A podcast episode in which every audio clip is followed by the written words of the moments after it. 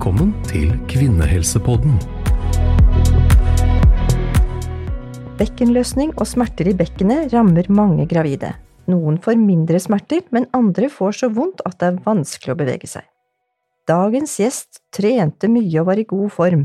Likevel fikk hun så vondt da hun ble gravid at det ble vanskelig å være i bevegelse.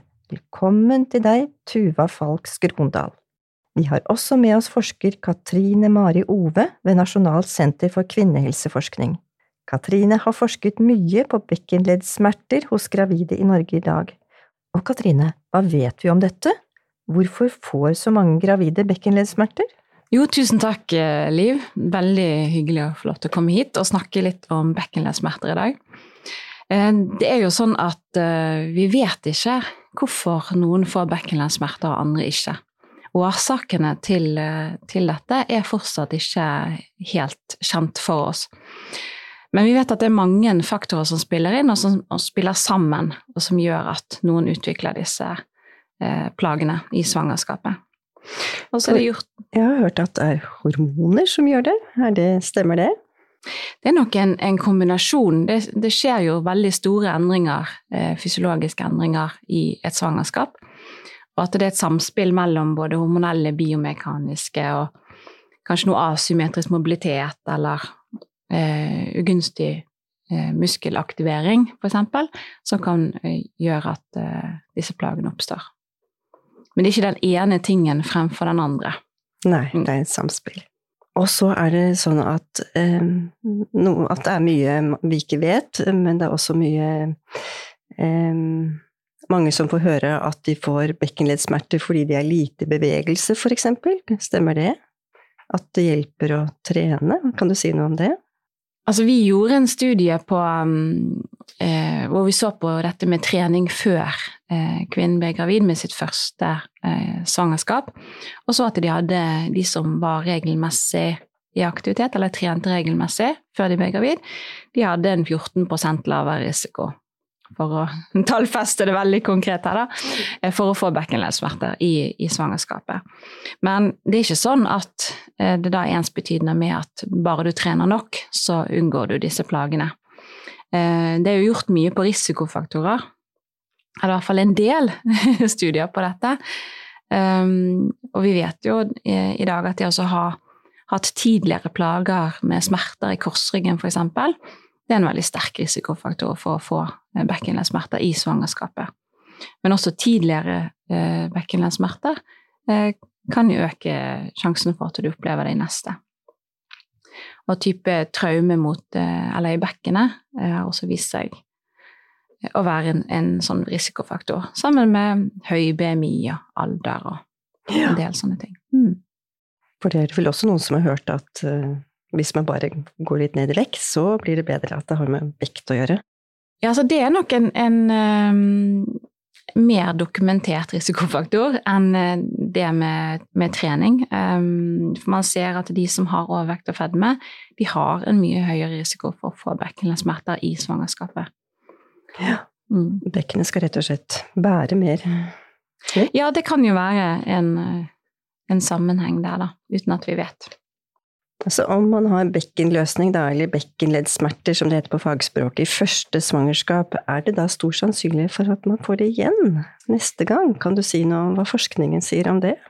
Ja, altså det er jo ikke gjort veldig mye på hvor man har studert eh, flere påfølgende svangerskap hos samme kvinne, for det er jo det vi må gjøre for å si noen ting om bekkenleddsmerter i ett svangerskap, øker risikoen i neste. Men eh, eh sannsynligheten øker nok med, eh, ved at du har hatt det i første.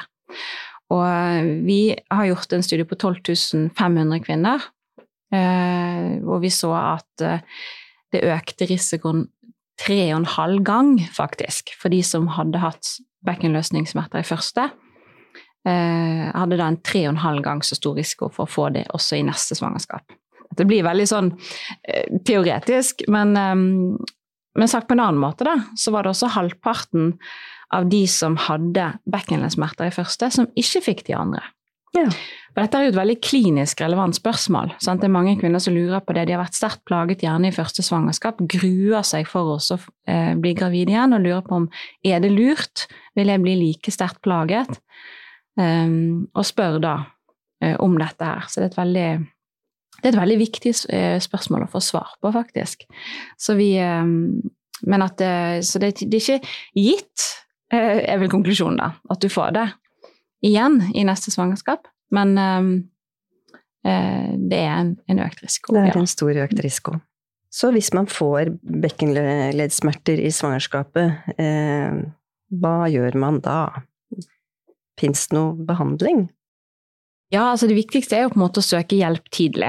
Og så um, er det jo sånn at det er ikke Fordi at vi vet ikke helt uh, årsakene til hvorfor disse smertene oppstår, så er det ikke heller en, på en, måte en ensrettet behandlingsform. Men um, man har sett at uh, kvinner som Altså litt er bedre enn ingenting. Uh, litt behandling er bedre enn ingenting. Det er studier som har sett på så liten dose som Eh, fire til seks behandlinger over en liten periode i svangerskapet, eh, at selv det gir en positiv eh, effekt på smertene. Men at det er individtilpassa. Og det kan være noen har behov for styrketrening, andre kan ha behov for mer avslapningsteknikker, massasje, den type ting. Og når du sier behandling, mener du at man skal gå til fysioterapeut, eller det er nok de som har best kompetanse på, på dette. Mm. Ja. Mm. Så jeg ville anbefalt absolutt å gå til en fysioterapeut som kan noe om bekkenlendsmerter i svangerskapet. Mm. Det fins jo også spesialtilpassede eh, treningsopplegg, f.eks. I, i vann, man kan, eh, eh, man kan, bruke for å lindre eh, smertene, som mange har, opplever en god effekt av. Mm. Så henvisning til fysioterapeut, det kan være viktig å få tidlig i svangerskapet. Mm. mm. Hvordan er det um, Det er jo noen som kan bli så få så mye smerter at de rett og slett uh, kan bli sittende i rullestol eller må bruke krykker etterpå. Blir man bra av dette når fødselen er over? De aller fleste blir heldigvis det. Smertene vil da avta etter fødsel for de aller, aller fleste. Um, men det kan jo også ta, ta, litt tid, og så ser vi det at det er 2-3% kanskje nærmere 3% som utvikler kroniske vedvarende smerter. Og for de så er jo det veldig eh, alvorlig. Um, kommer gjerne ikke tilbake i jobb og, og, den type ting. Så det er, jo, det er jo veldig alvorlig for de det gjelder. Ja, og det er selv om de har fått behandling og hjelp, så blir det mm, ja. noe som blir skitne. Mm. Så ser vi som jobber på sykehus og jobber med fødsler, at noen blir veldig redde for å føde, fordi eh, det virker på en måte veldig skummelt at noen skal passere gjennom dette bekkenet som er så smertefullt. Kan du si noe om det? Er det vist noe om det er farlig å føde når man har bekkenløsningssmerter? Vi anbefaler vaginal fødsel for de som har selv sterke smerter i svangerskapet. Og det finnes ingen god dokumentasjon på at eh, keisersnitt eh, gjør at disse smertene forsvinner, eller at de kan forebygge bekkenlærssmerter etter fødsel heller. Sånn at det var en, eh, også en norsk studie som var gjort på 10, over 10 000 kvinner, faktisk, så det er en stor studie, som viste at, at det ikke hadde noe forebyggende effekt på smerter etter svangerskapet. Mm. Det er interessant, for det er sikkert mange som har lurt på. Mm. Men hvis de føder, da, er det noe spesielt man skal ta hensyn til hvis de Eller når man da skal føde vanlig, er det noe spesielt man skal ta hensyn til når man er bekkenleddsmerter? Nå er jo ikke jeg jordmor eh, eller fødselslege, eh, men eh, jeg tror nok det er lurt å planlegge eh, fødestilling eh, og fødsel hos de, eller på det, det sykehuset man, skal, eh, man har planlagt å føde på. og så høre med de om det er mulig å få tilrettelagt, sånn at en slipper å ja, at en velger en, en fødestilling som er ikke smertefull. Så dette er viktig å ta opp med jordmoren sin, og det mm. kan vi snakke litt mer om etterpå. Noen eh, syns jo da det er behagelig f.eks. sideliggende, eh, eller sittende på en eller annen måte som eh, Ja. Det vil jo være individuelt, da. Mm. Så har jeg hørt at bekkenløsning ikke fins i alle land, at det kanskje er et mer nordisk fenomen. Er det sånn at vi er litt mer pysete i dette landet her oppe i nord? Absolutt ikke. Det er en veldig vanlig eh, oppfatning, eh, og jeg tror nok at det er mange kvinner i dag som får høre det. At det, dette her er kun et nordisk problem. Eh, og litt sånn, Det var snakket om på en måte et velferdsproblem også, fordi at vi har de ytelsene vi har. Men det er en ganske ny studie som sammenlignet tall på bekkenleddsmerter. De brukte det samme måleinstrumentet i USA, Storbritannia, Sverige og Norge. Ca. 200 kvinner eh, fra hvert land. Eh, hvor de så på forekomst og alvorlighetsgrad, eh, hvordan dette affiserte kvinnene osv. Og, og da fant de jo faktisk at den laveste forekomsten var blant kvinnene fra de to nordiske landene Norge og Sverige. Og den høyeste var rapportert i Storbritannia. De britiske kvinnene rapporterte også høyest smerteintensitet. Og de skårte også høyest på et sånt skåringsverktøy for bekkenlenssmerter. Så eh, nei, det er ikke et nordisk fenomen. Det også, finnes også nå en rekke studier fra Australia, fra land som eh, Etiopia, så jeg akkurat nå var jeg kommet til en studie om, eh, om dette. Så det er et globalt helseproblem. Mm. Men så er det kanskje forskjell, i forskjellige kulturer hvordan man aksepterer smerter i graviditeten? Absolutt. Og jeg har jo en liten anekdote, hvis vi har tid til det. vi um, opplevde jo det når vi skulle publisere uh, en studie uh, om bekkenlensmerter og trening og sendte det til et amerikansk tidsskrift. Fikk da svar fra den amerikanske redaktøren om at nei, dette her var bare et eh, helt vanlig svangerskapsproblem, en plage som alle kvinner hadde i svangerskapet, og ikke noe å skrive hjem om. Uh, og det var ganske overraskende, for dette er ikke så veldig lenge siden. Uh, men vi fikk publisert i, i, Storbritannia, da, så de hadde litt mer forståelse for, for, dette. Så det er fortsatt en lang vei å gå for å få aksept for at det er et Eh, et reelt helseproblem for gravide. For det avspeiler vel noe om at dette med smerter i svangerskapet har hatt en slags lav status. Det har ikke, dere har forsket på det, men det har ikke vært forsket kanskje nok på, har ikke vært tatt opp nok i um, utdanning av både leger og andre. Hva Nei, det har nok en, det? Mm, den, det tror jeg du, du har veldig rett i. Det har nok en, en mye lavere status enn en del andre sykdommer og plager som kan oppstå i, i, i svangerskapet. Mm, det er så, ikke noe man flagger så høyt, kanskje? nei, men det er jo det som gjerne er problemet med type smertetilstander. ikke sant? Og så er det Det fins ikke noe objektivt mål sant, på bekkenløsning. Det er ikke sånn at du kan gå inn og ta et, eh, et bilde, og så ser du at det der er en fysisk eh, løsning, på en måte. Um, det er jo subjektivt. Opplevelse av smerte er jo subjektivt. Og jeg tror det henger litt sammen med det også. Mm. At det blir litt diffust og ja. litt um, stor spredning i både alvorlighet og behandling. Det gjør det mm. litt vanskelig å håndtere for helsepersonell. Mm. Men så Tuva. Mm. Du er en av de mange som faktisk eh, fikk bekkenleddsmerter. Ja. Og selv om du trente mye før du ble gravid, og ønsket å være aktiv, så ble det ikke helt sånn som du hadde tenkt deg. Nei. Vi må si i tillegg at du er jordmor og mm. jobber på Oslo universitetssykehus. Kan du fortelle litt om hvordan det var da du var gravid første gang? Ja, altså, jeg blei jo um, gravid relativt ung, vil jeg si. Jeg var 26 da jeg fødte mitt første barn. Eh, og før jeg ble gravid, så trente jeg fire-fem ganger i uka. Eh, det var liksom nesten aerobic og step og catslide og var veldig komfortabel med det. Jeg var slank. Hadde aldri hatt vondt et sted før. Eh, så jeg gikk jo inn i svangerskapet og tenkte at det her kommer til å gå helt fint. Eh, og så trente jeg jo i begynnelsen av svangerskapet, litt mindre enn vanlig, for man er jo trøtt og man er jo sliten og har ikke den samme energien. Men rundt andre trimester så kom den bekken løsninga som er på folkemunne. og det, for meg så begynte det jo først som at bekkenet stivna eh, på baksida, altså i hoftene. Og så, jo lenger ut i svangerskapet kom, så spredte det seg liksom rundt til symfysen. Jeg merka at symfysen begynte å det, For meg så kjentes det ut som den løsner litt fra hverandre. Det var akkurat som den kjentes ut. Men den største plaga var den stivheten, den låsninga. Jeg ble, ble fort sliten i bekkenet, og jeg var jo da sykepleier på en intermediærpost med ganske tunge sånn intermediærpasienter. Så man står ved senga hele dagen. Eh, Så etter hvert så ble jo det litt vanskelig. Så da ble det mye manuell tilrettelegging på jobb, og så ble jeg tatt ut av intermediærenheten, og da selv om vi kunne jo være på jobb, eh, så må man gjøre litt, de litt mer kjedelige oppgavene. Sitte i mottak og ja. Så det var litt sånn nedtur det at man ikke fikk gjøre på jobb det man syntes var aller mest gøy. Men jeg klarte å være i jobb 80% Jeg var sykemeldt fra net netter, men jeg jobba 80% i uke 35, og så var jeg vel sykemeldt resten, da.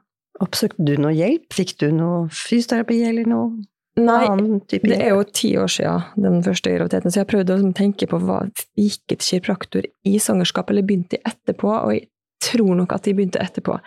Fordi at eh, etter jeg fødte Jeg fødte faktisk i vann, og det var veldig Det tenker jeg at det kanskje, hvis man er en kandidat for det, at det var veldig behagelig, for man blir vektløs. Mm. Men jeg hadde jo sånn veldig ukomplisert fødsel, så det, det er nå én ting. Men etter fødsel dagen etter, så merker jeg at denne bekkenløsninga er jo veldig mye verre. Så du trodde den skulle være borte, og så Ja, altså, var det omvendt? Trodde jo egentlig det, selv om jeg har jo sett min søster gå med krykka etter hun hadde født. Jeg hadde bare ikke tenkt over det, på en måte. Um, ja. Så det var jo Da gikk jeg i hvert fall til kiropraktor, og det var vel kanskje mer etter fem-seks uker, der jeg for det meste var hjemme.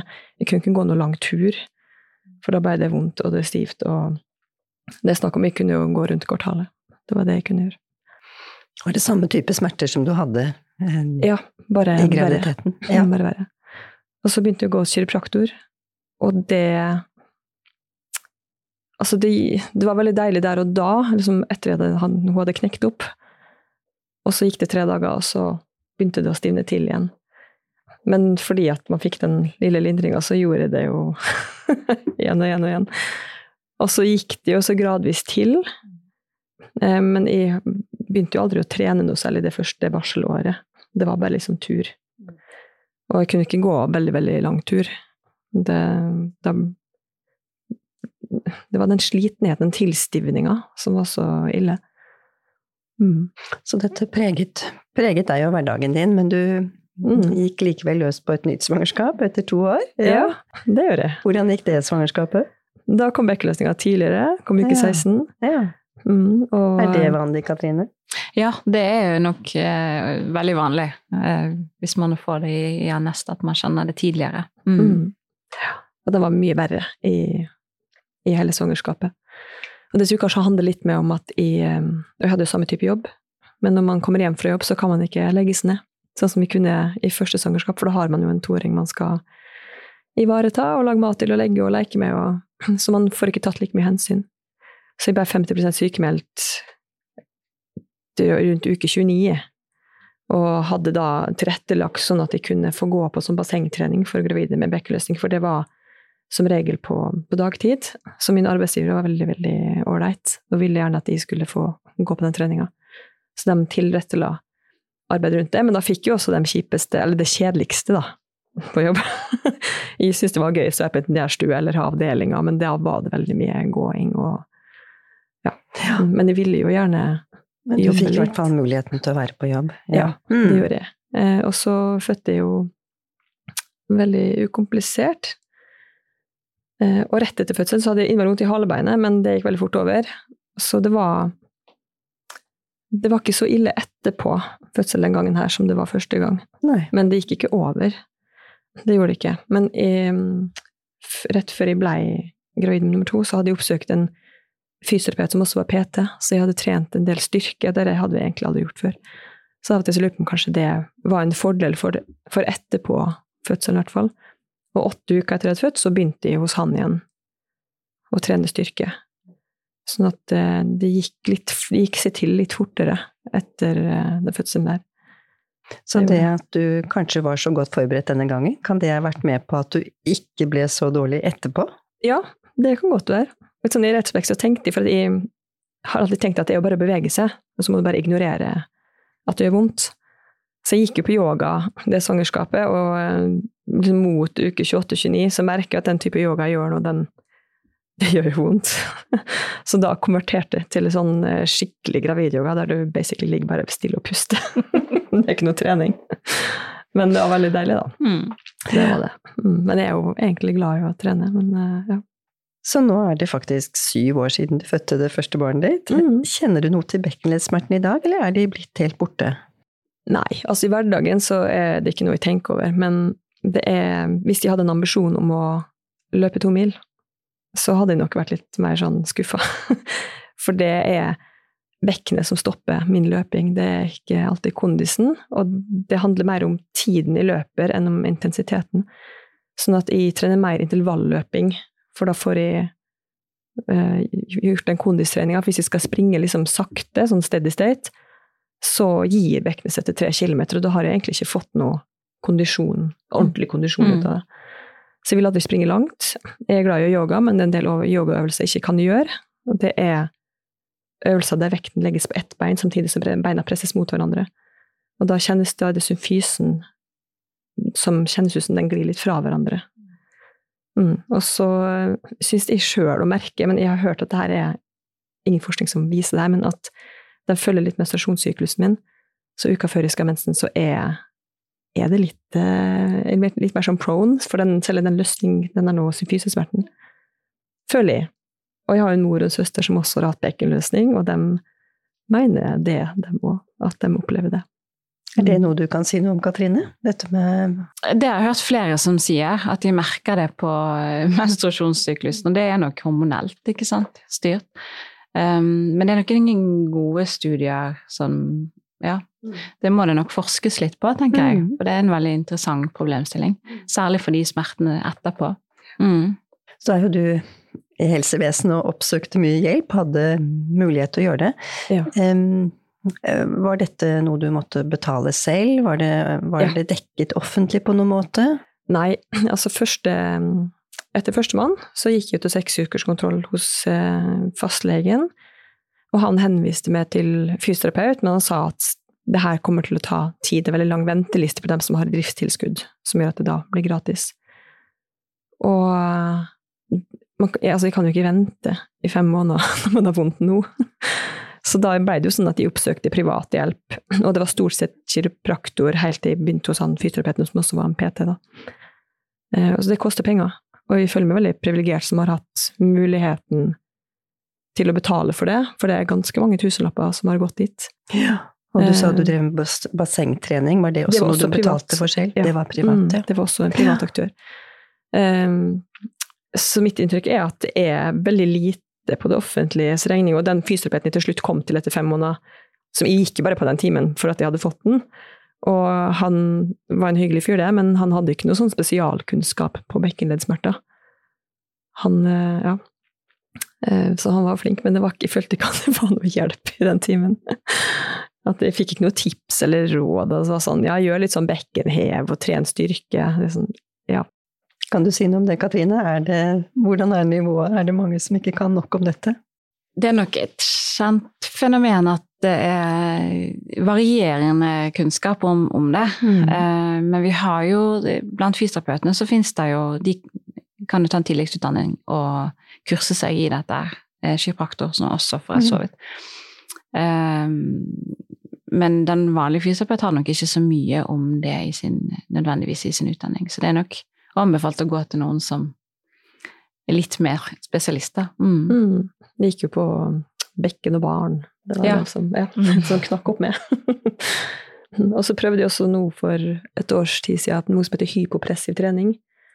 Ja. Og akkurat mens jeg holdt på med det, så hadde det ganske sånn god effekt. Og um, en ting var nå bekken, men etter, man, eh, etter jeg fikk barn, så var det jo ikke så lett oppe på trampolin lenger. Det føltes som alle organer ramla ut gjennom bekkenbunnen.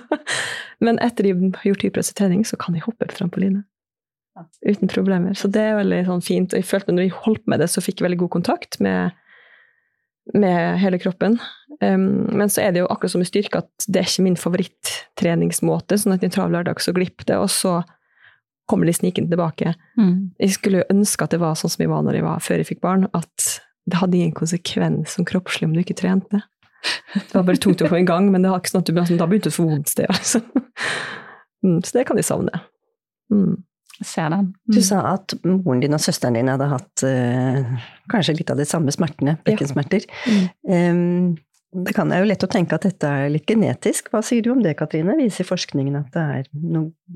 Ja, det er noen studier som har, som har sett på det at eh, hvis man har en mor eh, og, eh, eller en søster, så, så øker det risikoen for oss å få det. Så det er godt mulig at det er en genetisk komponent også. Jeg tror egentlig veldig mange ledd bakover i min slekt har hatt det, Mm. men vi kommer fra en familie som skal ikke liksom klage over sånne små ting. Ja. Mm. Så jeg ser for meg at bestemor egentlig hadde det, men hun um, klager ikke. Bare. Nei. Det var ikke noe snakke så mye om, kanskje? rett og Nei, kanskje det var litt tiden hun levde i òg. Mm. Men så, Tuva, så jobber du også som jordmor. Ja. Eh, og du møter faktisk da også kvinner som har bekkenløsningsplager eh, under fødsel. Mm.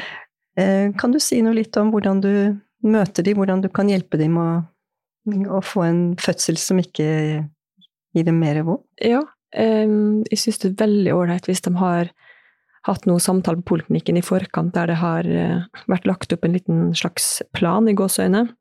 Kan jo aldri planlegge en fødsel helt til punkt og prikke, men at det står noe om hva det er som trigger smertene hennes, og veldig viktig om en foretrukket fødestilling. Det er jo flere ting som vil påvirke valget av fødestilling, annet enn smerter, det er jo fosteret og fremgang og alt det der, men jeg syns det er veldig, veldig ålreit.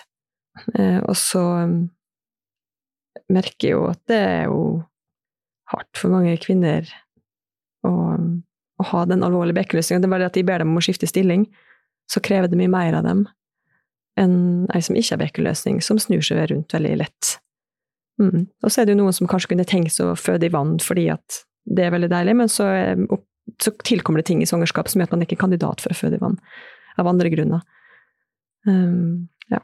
Men jeg må si at eh, altså akkurat for bekkensmertene så er det ikke min opplevelse at f.eks. epidural har en veldig god effekt på det, men de har veldig god effekt på rismertene. Det er jo nydelig bedøvelse, det, men jeg, jeg syns ikke at jeg opplever at epiduralen tar bekkensmertene noe særlig. Det gjør jeg ikke. Men jeg vet ikke om det, det vet kanskje du om det er noe forskning på det? Nei, det har jeg ikke hørt noe spesielt om. Jeg, jeg trodde kanskje noen ble bedre av å få epidural under fødsel, men Mm, ja. eh, Det kan være tilfeldig hva akkurat de har stått i også. Det kan jo være at det er mange kvinner der ute som hører på som sier at jo, men jeg hadde kjempegod effekt, så det kan absolutt være. Mm. Men det er nok ikke vist uh, i forskningssammenheng at det har det. Nei. Så Mm. Så det er annen, annen hjelp man må få. Ja, men varme er jo varme omslag. Er det noe som synes er deilig? Ja. Mm. Og, som, Og er det, å, jeg tror det å ligge i beinholdere over tid, det kan jeg se for meg er ugunstig Mm. hvis du har bekkenløsning. Så er det jo også noe med at fødselssmerter er såpass intense at de rett og slett kan over, overskygge Ja. andre smerter, sånn at de kanskje ikke kommer i fokus på samme måte når man føder. Ja, jeg kan ikke huske at jeg merka noe til bekkenløsninga i fødsel. Nei. Etterpå, derimot. Der. Etterpå kom det. Ja. Ja. Er det noe du har lyst til å spørre Katrine om? Du som har eh, levd med dette så lenge. Er det noe Ja, og det jeg har lurt på, for hver gang jeg har vært hos en kiropraktor eller fysioterapeut for å liksom finne ut av ting, så gjør de med sånn passiv at de ligger på en benk, og så beveger de på hofta mine, der de skal være helt passiv. Og det trigger veldig sjelden noe smerter. Sånn passiv bevegelse. Så lurer på, liksom, er det noe, det noen sånn test en fysioterapeut gjør for å si at du har bekkenløsning, og hvordan kan det være at jeg har vondt, men når de beveger meg passivt på en benk, så gjør det ikke vondt? De, de har jo forskjellige tester. Mm. Um, og så vidt, nå er jo ikke jeg fysioterapeut, jeg er bare forsker. Men uh, de har jo forskjellige tester, og så vidt jeg har skjønt, så uh, er det på en måte det er forskjellige tester, og de måler forskjellige ting. Så det er nok det, er nok det de gjør, sant, for, også for å diagnostisere. Mm. Så kjører de forskjellige tester mm. mens du ligger der. Mm. Ja. Mm. Og så lurte de på om dem som de får, for det er jo noen Jeg var jo heldig sånn sett at jeg endte jo ikke opp med kroniske, alvorlige smerter. Jeg kan leve stort sett som jeg vil i dag, selv om det har tatt litt tid. Eh, Men de som har de to-tre prosentene som har alvorlig, og som ikke kommer tilbake i jobb, de, kan du se noe på f.eks. MR eller CT-bilder på bekkenet? Du kan identifisere at der var det en skade, eller? Ja, det er det som er vanskelig. Mm. Sant? At det er ikke Man har sett i forhold til det med symfysen, da, så Mm. man jo eh, var det en studie som på en måte prøvde også å se sant, at man, For noen så er det jo en, faktisk en fysisk glippe der, eh, som man kan se også etterpå, at ikke det, det gror ikke sammen igjen Ja. helt. Um, men det er ikke eh, Man så ikke at det var liksom høyt korrelert med smerter. Nei.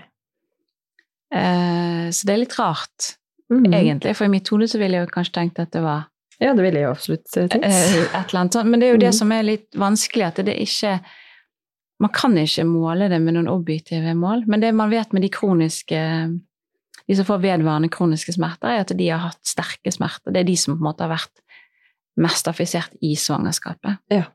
Mm. Eh, så ja.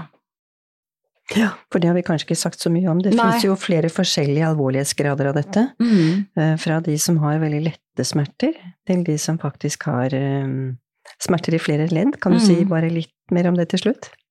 Ja, vi, vi eh, snakker jo gjerne da om at de har smerter både foran i symfysen og over begge bekkenleddene bak, i, nederste korsryggen.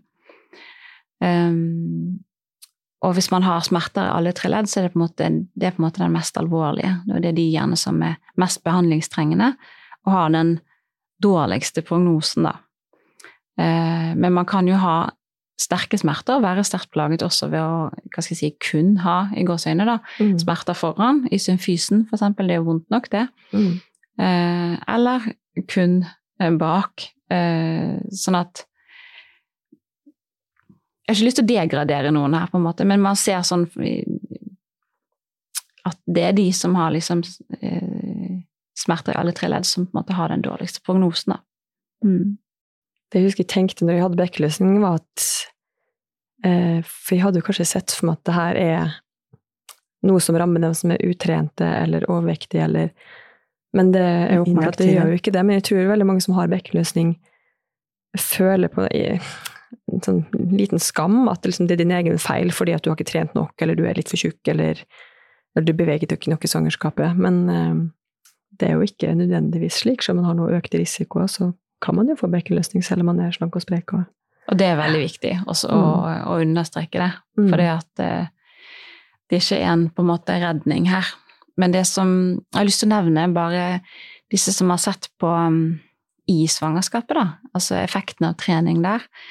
Um, så, så har, man ikke, har man ikke funnet at det kan forebygge. Altså man ser like mye smerter hos de som, som trener når de er gravid, som de som ikke. Og da er det dette er sånne studier som er hvor man har liksom tilfeldig delt kvinnene inn i grupper som en gruppe som trener, og en gruppe som ikke trener. Um, og da ser man at uh, man finner ikke noe forskjell i, i forekomst. Man ser, eh, noen studier ser at de kvinner som trener, har litt lavere smerteintensitet. Gjerne ikke så sterkt plaget. Eh, men et interessant funn er jo at det synes som at de klarer å fungere bedre i dagliglivet. De står lenger i jobb, og rapporterer også at det affiserer deres dagligliv i mindre grad. Da. Så da Så- er det motivasjon for å trene litt mer? Ja, jeg tenker at det er på en måte kanskje et viktigere moment å få frem enn at, det liksom, at du unngår smerter. For jeg tror, jeg tror man må komme litt bort ifra det at, det at kvinnen selv kan gjøre så veldig mye fra eller til. på en måte. Altså Hun kan ikke gjøre så veldig mye på forhånd for å ikke få disse smertene nødvendigvis. ikke sant? Eh, så den, og jeg skjønner veldig godt det er mange som sier det med det som du sier med skam og liksom litt sånn bebreider seg litt selv, ikke sant. Mm. Men um, det kan man slappe av for, på en Ja. måte. Mm. Jeg hadde jo en veldig fin arbeidsgiver som ga meg muligheten til å få trent på, for den treninga, bassengtreninga, den foregikk på formiddagen. Så hun tilrettela min arbeidstid, sånn at jeg kunne få gått på dem. Så jeg tenker det er jo superviktig at man har Ja. en ålreit eh, arbeidsgiver. Og Det er en veldig viktig en selvfølge for alle gravide, Ja. og da får man jo rett og slett mer arbeidskraft igjen, hvis Ja. man gjør det på den måten. Så det, det. syns jeg må være et viktig poeng å ta med seg hjem. Mm. Så lurte jeg på én ting til. Mm. Og det er er det farlig å bevege seg og bare liksom trosse smerten litt, og bevege seg likevel? Gjør det det verre? Ikke nødvendigvis, tror jeg. Nei. Eh, man, man, det heter jo at man skal eh, bevege seg innenfor smerteterskelen. Mm. Men sant, disse smertene, det er jo ikke sånn at de er statiske, sant? det varierer jo. Mm. Um, gjennom dagen og, og sånne ting. Sånn at um, om man på en måte trosser det litt for, for å komme i gang, Mm. det er kanskje nødvendig noen ganger. Ja. Um, samtidig så vil jeg jo si at man eh, Det må ikke bli sånn at man går til disse gravide nå og så sier 'ta det sammen', liksom. Nei, nei. Og, for det tror jeg sånn en del som opplever, ikke sant? Ja, det tror jeg. Um, men prøve å bevege seg i perioder hvor man ikke har vondt, det er jo kanskje det som er, er best. Og så gjøre det lille man kan, og litt er bedre enn ingenting. Eh, og så er jo det vi har snakket om før, at svangerskapet er tross alt en så liten periode, så man kan få trent litt uh, mer seinere Mm. hvis man på en måte tar litt hensyn. Jeg tror det er viktig å ta hensyn til de smertene, da. Ja. Det var et langt svar. Jo, men det er riktig svar. Man har jo lest om Eller det kommer jo av til i media eh, enkeltpersoner som syns at gravide og de er så mye syke, og graviditet er jo ikke noen sykdom, og hvorfor er vi så mye sykemeldt for svangerskapsplager? Men jeg tenker at nei, det er ikke noe sykdom å være gravid, men du kan føle deg ganske syk, Mm. eller redusert. Mm. Og da må man må vi og samfunnet ta hensyn Ja, til det, og gi det. rettigheter og ta Ja. det alvorlig. Og det, Mm. Det er så kort periode i en kvinnes liv, og de fleste kvinner får jo ikke mer enn to barn heller, så det er jo ikke snakk om at hun blir borte i årevis. det er ikke lange perioder, så det kan være en god investering. Ja, Ja. syns jeg. Ja, tusen takk, Tuva, for at du delte din historie, og for at du delte av din store kunnskap, Katrine. Vi håper at dere som lytter er blitt litt klokere av denne episoden, og kanskje noen som har plager, har fått noen tips og hjelp. Og uansett så er det så vanlig at det er en viktig tilstand å vite noe om, og vi tror at kunnskap gir trygghet for alle. Hvis dere vil vite mer, så finnes det en forening som heter Landsforening for kvinner med bekkenleddsmerter, LBK, som man kan kontakte. Takk for i dag. Vi vil gjerne få tilbakemeldinger fra dere lyttere om det er noen temaer dere vil vi skal ta opp i podkasten. Er det noe dere lurer på eller savner informasjon om? Send oss gjerne en mail til kvinnehelsepodden at os-hf.no. Dere kan også kontakte oss på Instagram.